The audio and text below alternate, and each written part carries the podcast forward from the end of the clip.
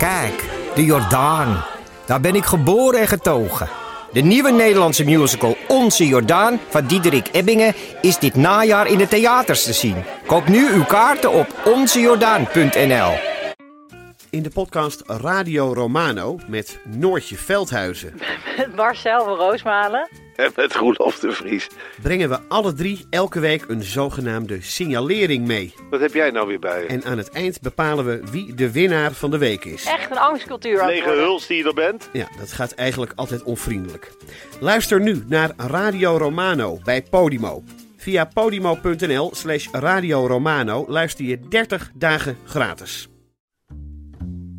Welkom bij de podcast van de Groene Amsterdammer. Ik ben Kees van der Bos.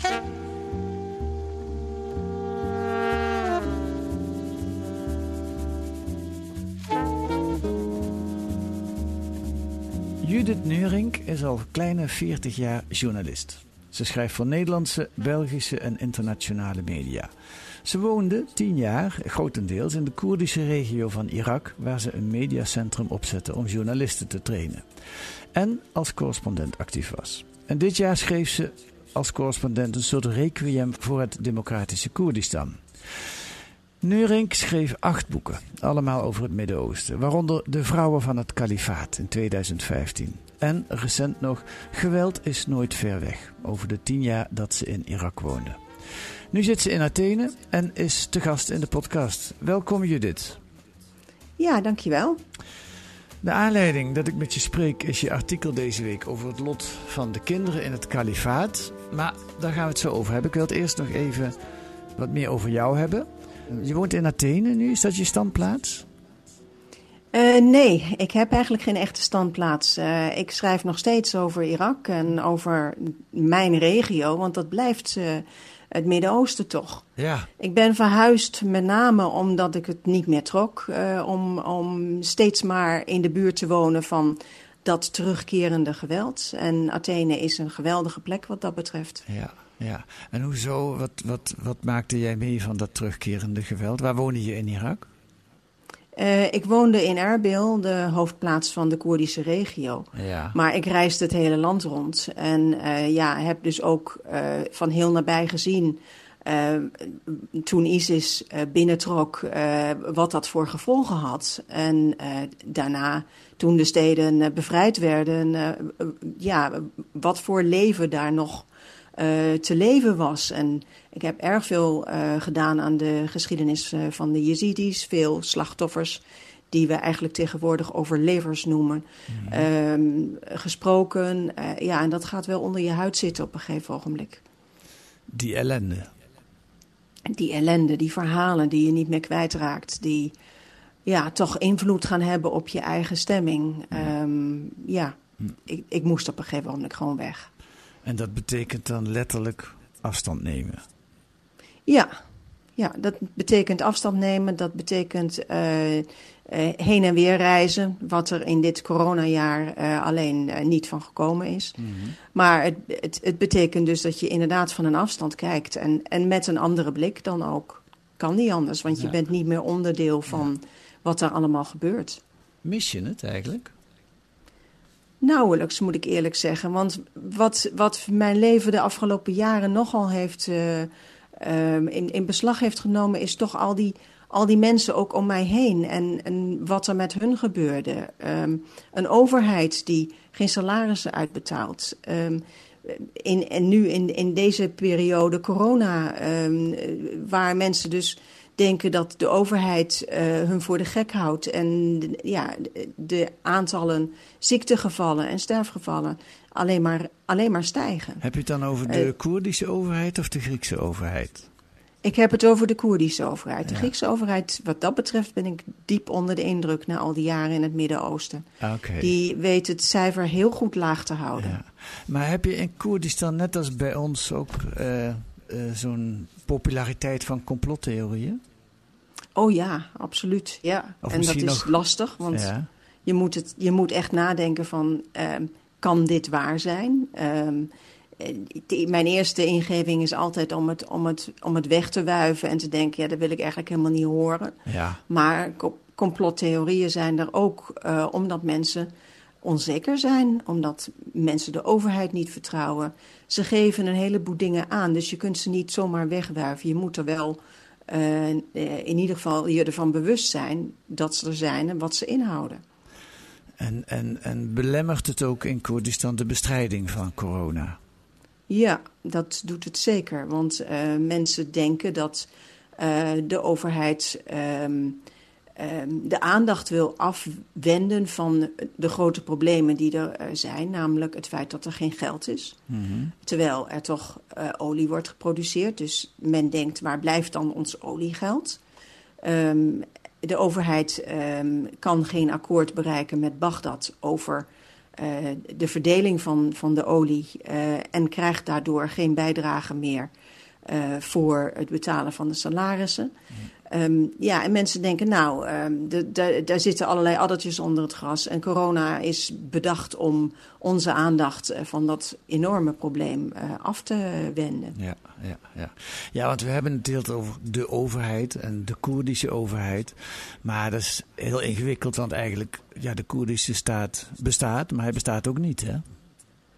Nou, Koerdistan uh, is een, een regio ja. uh, van Irak en ja. dat is formeel. Uh, heeft ook formeel een, een, eigen bestuur. het enige wat ze officieel niet mogen is buitenlandse betrekkingen onderhouden. Dat doen ze wel natuurlijk. Mm -hmm. en die olie die zouden ze moeten delen volgens de interpretatie van de grondwet in Bagdad. Zouden ze die moeten delen met het grotere Irak. Mm. Maar het lastige is dat die, die grondwet wordt heel verschillend bekeken en geïnterpreteerd. En volgens de Koerden is dat niet zo, want is de olie van alle Irakezen. Hmm. En dus ook van de Koerden. Hmm. En daarmee heb je het, het conflict. Nou, nou herinner ik me uh, vooral van een aantal jaren geleden dat er hier in de pers nogal juichende verhalen verschenen over dat uh, Koerdistan. En ook over de rol van vrouwen, ook in het leger. Maar ik zag op jouw site een, een vrij recent artikel van dit jaar van jouw hand. Waar je een soort uh, uh, ja, teleurgesteld verslag doet van wat daar nog allemaal van over is. Ja, ik ging um, toen ik in, in, in 2003 mijn eerste cursussen voor journalisten ging geven ging ik met de gedachte: dit is een democratie in wording. Ja. En toen ik me in 2008 ook echt daar vestigde om een mediacentrum op te zetten, dacht ik: ik ga een bijdrage leveren aan die uh, ontwikkeling. Um, maar in die jaren dat ik er gewoond heb, heb ik eigenlijk met name de laatste jaren het alleen maar slechter zien worden. Um, de, de, vrijheid van meningsuiting wordt minder. Uh, de rechten die uh, mensen hebben op werk is steeds minder. De corruptie wordt steeds erger. En ja, die corruptie maakt wel heel veel kapot. En op een gegeven ogenblik was dat voor mij ook een reden om te zeggen: ja, ik ben eigenlijk mijn vertrouwen kwijt. Ik zie dit niet meer ontwikkelen tot een democratie. En daar, ja, daar werd ik natuurlijk heel triest van. Ja. Zoals ook heel veel van mijn Koerdische vrienden daar heel triest over zijn. Ja. Maar het is niet anders. Dus je ziet niet echt een manier om dat, waarop dat kan veranderen. Nee, was dat maar zo. Uh, dan was ik waarschijnlijk wel gebleven. Hm. Maar als corruptie eenmaal zo om zich heen grijpt, dan heb je uh, een harde hand nodig. En de enige harde hand die er is, ja, die is zelf ook vies. Um, de overheid. Dus dat is een, een, een, een cirkel ja. waar je in terecht komt. Ja. ja. En dan dat gecombineerd met het feit dat internationaal de Koerden als uh, een Koerdische staat eigenlijk niet mag. Hè? De, de Turken willen dat niet. Uh, er is ook geweldige druk van buitenaf, denk ik. Ja, de druk van buitenaf komt van, uh, van de buren, van Turkije en Iran, die ja. allebei grote Koerdische minderheden hebben, die zij niet de rechten willen geven die de Koerden in Irak wel hebben gekregen. Ja. Het lastige is als je het vergelijkt met de andere drie Koerdische regio's, Syrië, eh, Iran en, en Turkije, dan doet Iraks Koerdistan het nog helemaal niet zo slecht. In ieder geval, ze hebben een parlement, ze hebben een regering die functioneert. Uh, er is een economie, um, er is een vlag, er is een politiek. Nou ja, zo kun je nog even doorgaan. Dat is er allemaal niet in die andere drie regio's. Ja. En Turkije eh, is met name op dit moment eh, erg bezig om te proberen eh, de Koerdische beweging in eigen land, die met name door de PKK wordt aangevoerd, de, ja, die zij een terreurgroep noemen, om die het, het, ja, hoe, hoe zeg je dat het beste? Alle, alle lucht uit de, uit de longen te halen door ze te bombarderen in Iraaks Koerdistan, maar ook in, in Syrië, waar ze invloed hebben. Hele stukken grond in, in beslag te nemen, uh, te bezetten. En uh, ja, die, die jacht op de PKK die, uh, is enorm. En die ja. heeft voor Iraaks Koerdistan ook grote gevolgen. Er zijn iets van, ze, van 100 dorpen inmiddels ontvolkt als gevolg daarvan. Ja. Weinig vrolijke berichten uit, uh, uit Koerdistan. Helaas. La ja, laten we kijken naar uh, het kalifaat. De Koerden hebben samen met het Westen uh, geholpen om het kalifaat, te, om ISIS te verslaan. Wanneer is dat ook weer geweest? Twee jaar geleden, dat de overwinning, drie jaar geleden dat de overwinning werd uitgeroepen. Nou, in, in, in Irak was dat in 2017, ja. maar de laatste slag om Baghouz in Syrië. Ja. Dat was begin 2019, dus Ja. nog niet eens zo heel lang geleden. Nee, nee. En is ISIS nu weg? Nee, absoluut niet. Ehm, zowel in Syrië als in Irak zijn er heel regelmatig, bijna dagelijks aanslagen. Op controleposten, op militairen. Eh, soms is het, is het echt zo goed eh, gepland dat dat een strijd is die dan eh, een halve dag duurt. En waarbij ook aan beide kanten doden vallen. En dan heb je natuurlijk het hele grote eh, probleem van de erfenis in de kampen waar families vastzitten. Ja, dan, En die kampen zijn er in Irak, ja, daar ben ik geweest. Maar Ja. ze zijn er voornamelijk ook in Syrië, omdat daar de laatste slag eh, plaatsvond. ja. En we komen nu steeds dichter bij jouw artikel van deze week. Hè? Die, die, die kampen, want eh, daar gaat het over. Al-Hol en Roy. Ik weet niet of ik dat goed uitspreek. Rosh, Rosh. eh, ja, en dat betekent dag. dag in Noord-Syrië. En hoeveel mensen zitten er in die kampen? En wat zijn dat voor mensen? Het zijn twee verschillende kampen toch wel. Al-Hol is het grootste. Ja, Dat is begonnen, is ontstaan als een vluchtelingenkamp voor mensen die wegvluchten voor ISIS. Maar gaandeweg eh, kwam de strijd op gang eh, tussen de Syrische Koerden en ISIS. En kwamen ook steeds meer eh, ISIS-families terecht in Al-Hol-kamp. Gaandeweg, na eh, de, eh, de laatste slag, eh 60.000 mensen in totaal. jeetje. Ehm, ja, Roskamp is kleiner. Daar zitten vrij veel Nederlandse families van ISIS-strijders ook. En dan heb ik het over vrouwen en kinderen natuurlijk. ja. En de, de, de laatste ontwikkeling is dat in Roskamp nu met hulp van, van Europa, van de, van de EU... Een, een nieuw onderdeel wordt gebouwd of is gebouwd. Maar eh, beetje bij beetje wordt eh, ehm, in gebruik genomen. En dat is be- bestemd voor Europese vrouwen en kinderen en dan de radicaalste onder hen. Oké. Hoeveel zijn er daarvan ongeveer? Eh, Zo'n 7000, ehm, eh, dat, dat loopt op. Het is, het is zo raar dat in al die berichten die ik lees er eigenlijk nooit één getal is. 11.000 is het hoogste getal, 7000 het, het minste. Misschien ligt het eraan of je de Russen meetelt of niet, maar daar kan Ja. ik niet goed achter komen. Ja, en dat zijn dus in- internationale eh, vrouwen eh, en kinderen. Dat wil, wil zeggen niet uit eh, Syrië zelf af- afkomstig. En niet uit Irak, En want er uit- zitten ook 30.000 mensen uit Irak nog in Al-Hol. Ja, wat een enorme aantallen. hè. Maar daar zitten Ja. dus, dus... En hoeveel Europese vrouwen zitten er? Dat zit dan tussen de 7000 en de 11.000 Europese vrouwen Ja. en kinderen? Ja, met Ja. kinderen. Ja. En het Eh. grootste deel daarvan, twee derde, is kinderen. Oké. Oké. En dan is er, eh, om het nog kleiner te maken, sprake van 56 Nederlandse vrouwen en 58 kinderen, Nederlandse kinderen. Klok- Zijn die getallen, kloppen die?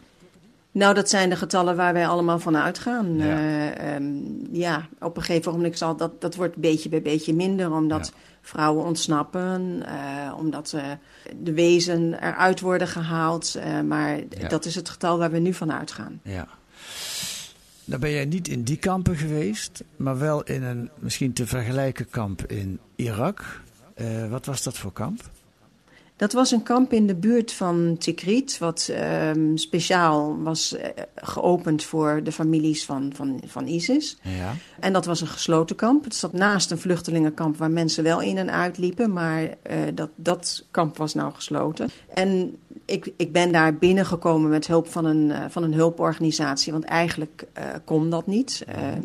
en ik heb met die mensen gesproken. En wat mij heel erg opviel was dat ze absoluut geen spijt hadden. Dat ze geen idee hadden van de schuld die zij ook met zich meedragen. Maar dat ze vooral heel erg boos waren op wat er met hun gebeurde. Dat zij nu in zo'n kamp zaten zonder dat hun kinderen onderwijs kregen. Dat ze geen geld hadden, dat de situatie zo slecht was. En ja, de totale ontkenning van, van de schuld. Ik sprak bijvoorbeeld met een vrouw daar die uh, waarvan de bewakers tegen mij zeiden: Nou, haar moet je hebben, want zij was een van de vrouwen van de Al-Ghazal-brigade. Mm-hmm. Een brigade die daar was om vrouwen, als ze zich niet voldoende kleden, als die kaap niet driedubbel was, uh, of ze hadden geen sokken aan of handschoenen, dan werden die vrouwen gestraft. En met name buitenlandse vrouwen hebben daar patrouilles voor uh, uitgevoerd. Maar er waren natuurlijk ook heel veel Iraakse en Syrische vrouwen bij betrokken. Nou, dit was zo'n Iraakse vrouw, maar die ontkende um, dat ze ook maar wat uh, daarmee te maken had. Terwijl ze wel, kwam ik gaandeweg het interview achter, ze had twee zonen die bij ISIS waren uh, betrokken geweest. En ze had een dochter die was getrouwd met een emir, dus een, hmm. een, een, belangrijke man uh, in ISIS. Dus het was niet zomaar een, een ISIS-familie. Hmm. Het was echt een familie op, op, het, op het leidinggevende niveau. Dus er is eigenlijk echt sprake van nog aanhangers van het kalifaat. Alleen op zo'n moment vindt zo'n vrouw het dan opportun om dat maar niet hardop te zeggen. Nee, dat is zo, ja. En, en wat je dan in Al-Hol ziet als gevolg daarop... Eh, want daar zijn natuurlijk de vrouwen terechtgekomen uit die allerlaatste fase. Ja. De mensen die nog bij ISIS waren... Uh, die uh, meestal het totaal met ISIS eens waren. Nou, dat zie je in het in Al-Hol-kamp... waar eh, de meest radicale vrouwen echt een soort kalifaatje spelen. Uh, al is spelen een verkeerd woord. Hmm. Want uh, dat gaat hard tegen hard. Iedereen die zich niet uh, houdt aan hun regels, die wordt afgeranseld. en dat, dat leidt ook tot, tot in brand steken van tenten en, en moord. Hmm. Er is een paar weken geleden nog een Iraakse vrouw doodgestoken. Ja, dat, dat, dat zijn gruwelijke omstandigheden. Ja, dat kun je wel zeggen. En daartussen zitten dan, naar ik aanneem, veel kleiner aantal vrouwen. Ja, kinderen die hebben sowieso nog, nog niet zo'n echte, de jonge kinderen een eigen mening. Maar er zit een, een kleiner aantal vrouwen die wel het kalifaat afgezworen hebben en die eigenlijk naar het westen zouden willen. Ja, die vrouwen die houden zich verborgen. Want uh, als je in Al-Hol zit en dan zit je dus onder dat regime van die, van die, van die kalifaatsvrouwen, van die radicale vrouwen. Hm. En die, die hebben vaak geen kans om, om kenbaar te maken wat ze eigenlijk wel willen. In uh, Roskamp is dat allemaal iets soepeler. Daar uh, is niet een dergelijk streng uh, regime aan de, aan de hand. Dus daar heb je dus ook meer vrouwen die kenbaar kunnen maken wat ze willen. Hm. Maar het grote probleem wat er nu is, is zelfs al willen ze terug naar Nederland en zelfs al zijn ze bereid om daar de consequenties te nemen en een straf uit te zitten, dan is de Nederlandse overheid uh, niet bereid om hen op te halen. Ja. Ja. En de enige manier waarop ze dan uh, in Nederland terecht kunnen komen, is als ze ontsnappen en naar een uh, ambassade in de buurt gaan. En dat kan in, in Erbil, dus in Iraaks-Koerdistan, of dat kan in Turkije. Ja, maar... En dan wil de Nederlandse overheid hen wel repatriëren, ja. maar op een andere manier niet. Nee, en dat klinkt gemakkelijk, maar dat is helemaal niet gemakkelijk om uit zo'n kamp te ontsnappen en je bij zo'n ambassade te melden. Nee, dat is. Uh, um, er zijn dus de afgelopen weken uh, nogal wat pogingen gedaan. En de, de meest bekende is dat uh, in de watertankers, want dat water wat ze daar drinken wordt aangevoerd met speciale tankauto's. Mm -hmm. Nou, daar hebben ze dan een deel afgeschermd voor vrouwen en kinderen die tegen een betaling van uh, bedragen die oplopen tot 17.000 uh, dollar eruit worden gesmokkeld. Nou, daar zijn de, de Koerdische bewakers nu heel erg op gespind, dus die, dat gebeurt niet zoveel meer. Maar de nieuwe methode is nu met brommertjes. Um, dan komt een, een, een mensensmokkelaar met zo'n brommertje uh, en zo'n vrouw wordt uh, het kamp uit, uitgesmokkeld met haar kind en ja. achterop dat brommertje. Ja. Maar dat leidt binnen ISIS nogal tot discussie. Want ja, dat is natuurlijk wel een beetje haram om zo dicht tegen een onbekende man, man aan te zitten. Ja. Maar dan hebben we het over de, de vluchtelingen die nog steeds aanhanger van ISIS zijn, of niet? Want anders vind je dat misschien minder een probleem. Nou ja, dat, het feit dat vrouwen dat doen en dat ze daarvoor ook, uh, want zo laten ze zich eruit smokkelen, ze trekken er mannenkleding voor aan. Ja, ja. Dat wil toch wel zeggen dat ze, dat ze dus niet meer onder dat hele strenge regime vallen. Want daar wordt gezegd, ho, ho, ho, maar dat kan niet, dit is haram. Ja. Goed, dan was er vorig jaar uh, in Nederland nogal wat te doen. Er is een juridische strijd gevoerd om die kinderen met name uh, terug te halen. Even leek het erop dat dat zou gebeuren, want in november vorig jaar deed de kortgedingrechter in Den Haag een uitspraak. Die wil ik even laten horen. Uit diverse bronnen is op te maken dat kinderen daar te maken hebben met bombardementen, seksueel misbruik, marteling, afwezigheid van onderwijs, kindersterfte, ijzige kou in de winter, overbevolking, vermijdbare ziektes, indoctrinatie en een gebrek aan water, voedsel en sanitaire voorzieningen en medische zorg. Er is dus sprake van een ernstige en acute noodsituatie waarin de kinderen zich als slachtoffer van het handelen van hun ouders bevinden. En naar mijn oordeel dient de staat zich op grond van de maatschappelijke zorgvuldigheid en voor zover dat binnen zijn macht ligt, het schrijnende lot van die Nederlandse kinderen aan te trekken. En de staat moet de redelijkerwijs mogelijke maatregelen treffen om deze Nederlandse kinderen bescherming te bieden, ook al bevinden de kinderen zich in een andere staat. Nou, die, uh, de rechter weet het uh, plastisch te omschrijven, uh, de, de, noodtoestand in die kampen. Maar later is die uitspraak van de kortgedingrechter vernietigd. En in de Hoge Raad vonnisde in juni van dit jaar, dus nog vrij recent, dat, dat mede omdat de vrouwen uit eigen beweging naar Syrië zijn afgereisd, de staat niet onrechtmatig handelt door ze niet te repatriëren. En om even iets te laten horen van de reactie van de politiek, met name het CDA, die was fel tegen, en de VVD ook was fel tegen om die vrouwen naar Nederland te halen en die kinderen. En Madeleine van Toornenburg drukte dat uh, zo uit in de uh, uitzending van Goedemorgen Nederland in oktober vorig jaar. Toen ik het hoorde, dacht ik even, zijn we helemaal gek geworden. Maar goed, we weten, deze mensen zijn tot alles in staat. Er is natuurlijk geen denken aan dat zij worden teruggehaald. Ze hebben afstand gedaan van onze rechtsstaat. En daar zullen ze nu de gevolgen van ondervinden. En mocht een rechter nou zeggen dat we ze moeten halen, dan verandert er voor hen nog niks.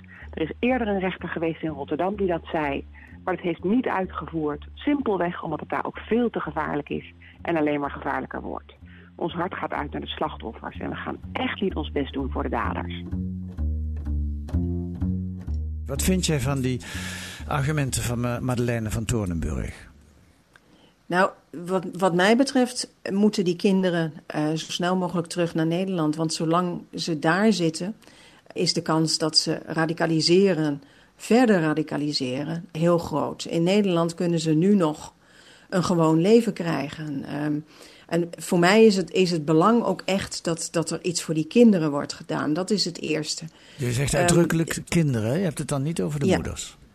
Ik heb het niet over de moeders. Het, het probleem uh, is dat tenzij moeders zeggen: wij hebben spijt van wat we hebben gedaan, we weten wat we hebben gedaan en we laten ons daarvoor straffen, denk ik dat het heel moeilijk is om, uh, om politieke wil te vinden om hen terug te halen. Ja. Dus waarom ik dit artikel wilde schrijven is om aan te geven hoe ongelooflijk vast die zaak zit als je je niet op de kinderen focust. Ja. Want de kinderen tot nu toe zijn alle wezen er wel uitgehaald, maar kinderen die met hun moeder vastzitten, die niet. Terwijl in een andere situatie waarin een kind met een moeder in een gevangenis zit, dan, um, dan wordt zo'n kind eruit gehaald. Want dat kan niet. Je kunt niet met je moeder in een gevangenis zitten.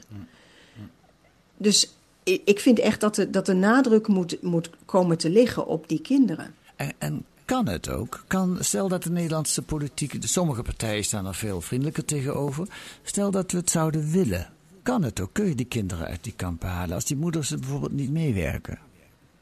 Nou, dat is het grote probleem. Als de moeders niet meewerken, dan, eh, ja, dan, dan, dan, dan loop je vast. En voor die moeders zijn die kinderen ja, een garantie dat eh, zij in hun eentje niet vergeten worden eh, daar in, in de kampen in, in Syrië. Dus ze zullen, tenminste veel van die moeders, zullen niet zo snel toegeven om hun kind in hun eentje te laten gaan. Ook al zal een heel aantal moeders zich realiseren dat eh, ze daarmee tegen het belang van hun kind inhandelen. Dat is wel een vreselijk ingewikkelde situatie. Ja, enorm ingewikkeld. Ja. En ook eh, advocaten ehm, zijn het onderling niet helemaal eens. De meeste advocaten zeggen ja, we, we gaan ervan uit dat het voor het kind het beste is als het bij de moeder is. Maar dan hebben ze het natuurlijk wel over een situatie waarbij het kind bij de moeder in Nederland is. En dan moet je er dus van uitgaan dat vrouwen ehm, vaak toch eerst een straf zullen moeten uitzitten. Voordat ze met zo'n kind kunnen gaan samenwonen in Nederland. Twee jaar geleden maakte Sinan Chan een documentaire over de kinderen van het kalifaat. En hij ging op stap met Hussein. Dat is een voornaam, want de meneer wil liever niet dat zijn achternaam bekend wordt. En hij is de vader van Mariam. Eh, en dat is een vrouw die naar ISIS is vertrokken.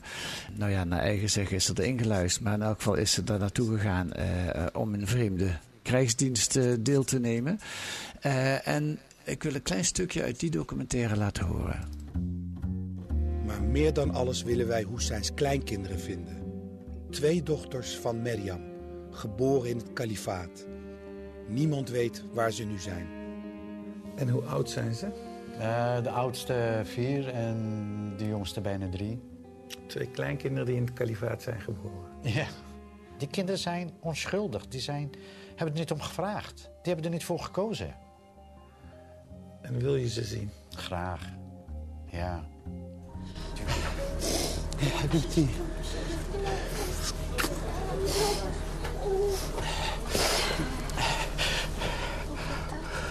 Hoe is het met jou? Komt allemaal goed. Word je goed behandeld hier? Worden jullie goed verzorgd? Ja? Oké. Je hebt een schat van een meiden, Miriam. Kijk eens. Was je gelukkig hier? Nee, Je was niet gelukkig hier. Waarom ben je dan hier naartoe gekomen, meid? die wist ik toch niet. Ik wist toch niet dat ik hier terecht zou komen. Ja, Ik ben dingen er die gewoon gebeuren. ingeluisterd. Hè? Ik ben er gewoon ingeluisterd. Maar dit heeft ons veel ellende gebracht, Miriam. Een gezin is uit elkaar gerukt. We hebben er een hoop prijs voor betaald. Ja, het gezin was al uit elkaar. Misschien is dat ook de reden dat ik een mannelijke liefde achterna ben gegaan. Dat ik geen... Dat alles al kapot was. Eh, Judith, jij hebt eh, die meneer Hussein ook gesproken, hè? Ja, hoe, hoe zijn, ehm, vreemd genoeg, eh, blijk ik uit mijn vorige Nederlandse leven al te kennen. Oké. Ehm, eh, hij was ook de eerste naar wie ik ging toen ik mijn kleine zoektocht naar wat kunnen we nou toch voor die kinderen bedenken, begon. Ja. Eh, omdat ik denk, ik, ik, ik had hem al eerder gesproken hierover, ehm, grootouders kunnen hier een hele belangrijke rol in spelen. Ja, hij Ehm, wil de kleinkinderen wel naar, in Nederland hebben en verzorgen. Hij wil ze heel graag. Ook omdat hij ziet dat dat de enige manier is waarop ze ja, gered worden. En dat ze niet eh, in, in de armen van ISIS lopen. Eh, want dat, dat blijft het gevaar zolang ze in, in zo'n kamp zitten. Ja. Maar goed, is daar enige kans op? Nou, Hussein is een van de weinigen onder de grootouders die zegt van nou, als het moet, dan eh, moeten we misschien kijken of we alleen de kinderen terug kunnen, kunnen halen. Hij zegt dat daar onder, onder de andere grootouders, die, die samen een, een soort comité hebben, niet zoveel animo voor is. Dus ja, eh, als dat animo er onder de grootouders ook al niet is, onder de advocaten is het niet. Mensenrechtenorganisatie, er zijn organisaties voor kinderen eh, die wel vinden dat het recht van het kind onvoldoende uh, aandacht krijgt in, in deze hele procedure, maar die toch ook niet uh, ervan uitgaan dat je dan misschien er maar moet, dat je misschien maar moet streven naar het alleen terughalen van de kinderen. Dus het is, het is een, een probleem wat op dit moment nog steeds niet echt opgelost lijkt te worden. Nee, nee. En zelfs al zou Hussein zijn kleinkinderen willen ophalen, of zou daarbij geholpen worden door de Nederlandse regering, denk ik, als Miriam, zijn dochter, zegt: Ja, maar je krijgt ze niet mee, ik wil zelf dan ook weg, want zij wil ook weg uit het kamp, dan, dan stokt het daarop. Ja, dan houdt het daarop. Want uh, je kunt zo'n moeder niet uit de ouderlijke macht zetten. Nee. Ook al heb ik mij zitten afvragen. Als in Nederland een moeder uh, haar kind schade toebrengt. En dat, dat gebeurt. Dus dat kun je gewoon stellen. Die kinderen uh, hebben uh, vaak te weinig te eten. Het kamp is smerig. er is geen, geen school. Dus het belang van het kind wordt geschaad. Ja. In Nederland kun je ze dan uit de ouderlijke macht, of in ieder geval uit de voogdij zetten. Ja. En ik heb mij ook afgevraagd of dat niet een optie zou zijn. Maar advocaten voelen er niet voor uh, en zeggen ook dat het niet echt een optie is. Hm. Hm. En dan hebben we het nog maar over uh, een heel klein gedeelte van de, de duizenden mensen die er in die kampen zitten. Want, maar laten we even dit afmaken. Wat, wat, het zit muurvast als ik het zo hoor van jou. Wat kan hier beweging inbrengen? Maar een paar dingen eigenlijk. Um, er worden nu individuele zaken aangespannen. En dat zijn dan de zaken van vrouwen die ziek zijn geworden. Uh, nou, misschien dat daar uh, een uitspraak in kan, kan komen die positief is en die dan kan worden gebruikt om andere soortgelijke zaken ja, tot ook weer aan te pakken en tot een goed einde te dat brengen. Zijn, dat zijn voor de duidelijkheid zieke vrouwen, Nederlandse vrouwen bijvoorbeeld, die dan eisen van de Nederlandse staat dat ze uh, in Nederland opgenomen worden, om verzorgd ja, te kunnen worden. Ja, er zit daar bijvoorbeeld een vrouw die uh, hevige psychische klachten heeft. Ja. Nou ja, daar, daarvan weet je dat ze in dat kamp geen enkele verzorging krijgt. Ja. Het lastige is, vind er maar eens soortgelijke situaties. Maar wellicht dat er in de uitspraak iets is waar advocaten weer nieuwe eindjes aan vinden, waardoor ze, waar ze aan kunnen trekken. Ja. En anders? En anders is het wachten op toch uh, de Europese Unie op een gegeven ogenblik. Die, want dit, dit is alleen maar in groter geheel op te lossen. De Europese Unie die uitspraken doet hierover, die, die beslist dat dit onhoudbaar wordt. Ja. Um, en je, kun, je hebt heel veel gevaar daar. Uh, het gevaar van Turkije is nog niet weg. Turkije, wat daar in de buurt nog vorig jaar een, een heel gebied uh, heeft overlopen. En toen was ook de angst al van uh, ze zijn met twee stappen bij dat kamp. En uh, we weten van, van Turkije dat het niet bepaald kritisch is ten aanzien ja. van ISIS. Ja. Dus dat is een, dat is een heel groot uh, gevaar. Ja. En dan, wat als de Koerden uiteindelijk toch met Assad weer in zee moeten, omdat die dreiging van Turkije uh, niet weggaat. Hm. Nou, om, onder Assad kan je er wel van op aan dat, dat, dat het regime alleen nog maar sterker, strenger wordt in die kampen. Ja, dat vraag ik me af. Dus het, we hebben het nu dan over het, het, weghalen van een relatief kleine groep Nederlandse, een relatief kleine groep Europese vrouwen en kinderen. Maar wat moet er met al die duizenden andere vrouwen en kinderen en ook die mannen, voor zover die in, die andere, in dat andere kamp zitten, heb ik begrepen, gebeuren?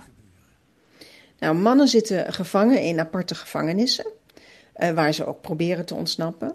In Al-Hol zijn ze begonnen met uh, het repatriëren van Syriërs. Er zijn afspraken gemaakt met stamhoofden om hen uh, terug te sturen naar huis. Tenminste, als ze niet al te veel bloed aan hun handen hebben of verantwoordelijkheid binnen ISIS hebben gehad. Nou, de eerste paar honderd gezinnen zijn, ik geloof gisteren, teruggegaan naar hun families. Ja, Irak dus, is dat dan? dus, Nee, dat is Syrië. Okay. Dat zijn Syriërs. Okay. En um, dat begint nu op gang te komen. Maar dat kan nooit uh, voor alle gevallen gelden. Hm. Want daar zitten ook uh, vrouwen bij die wel degelijk het een en ander op hun kerfstok hebben. Hm.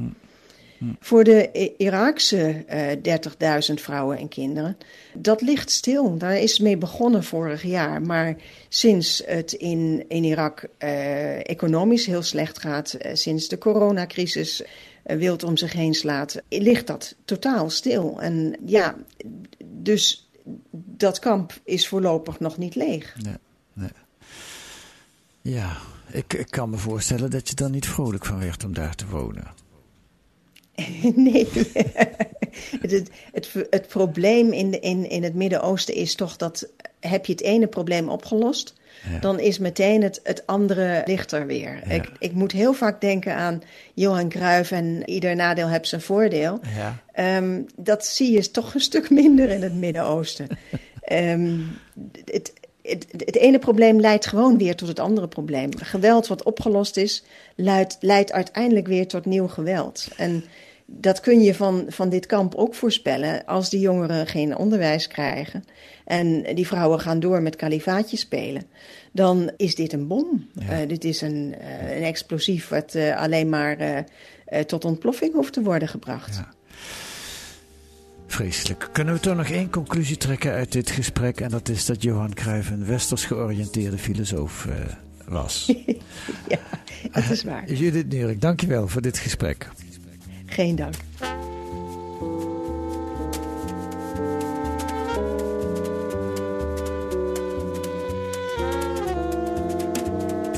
Lees deze week in De Groene ook een onderzoek naar de hulpverlening aan verwarde mensen. De crisisdiensten zijn vaak niet voldoende toegerust om deze mensen te helpen en de politieagenten springen steeds vaker bij, terwijl ze daar niet voor opgeleid zijn.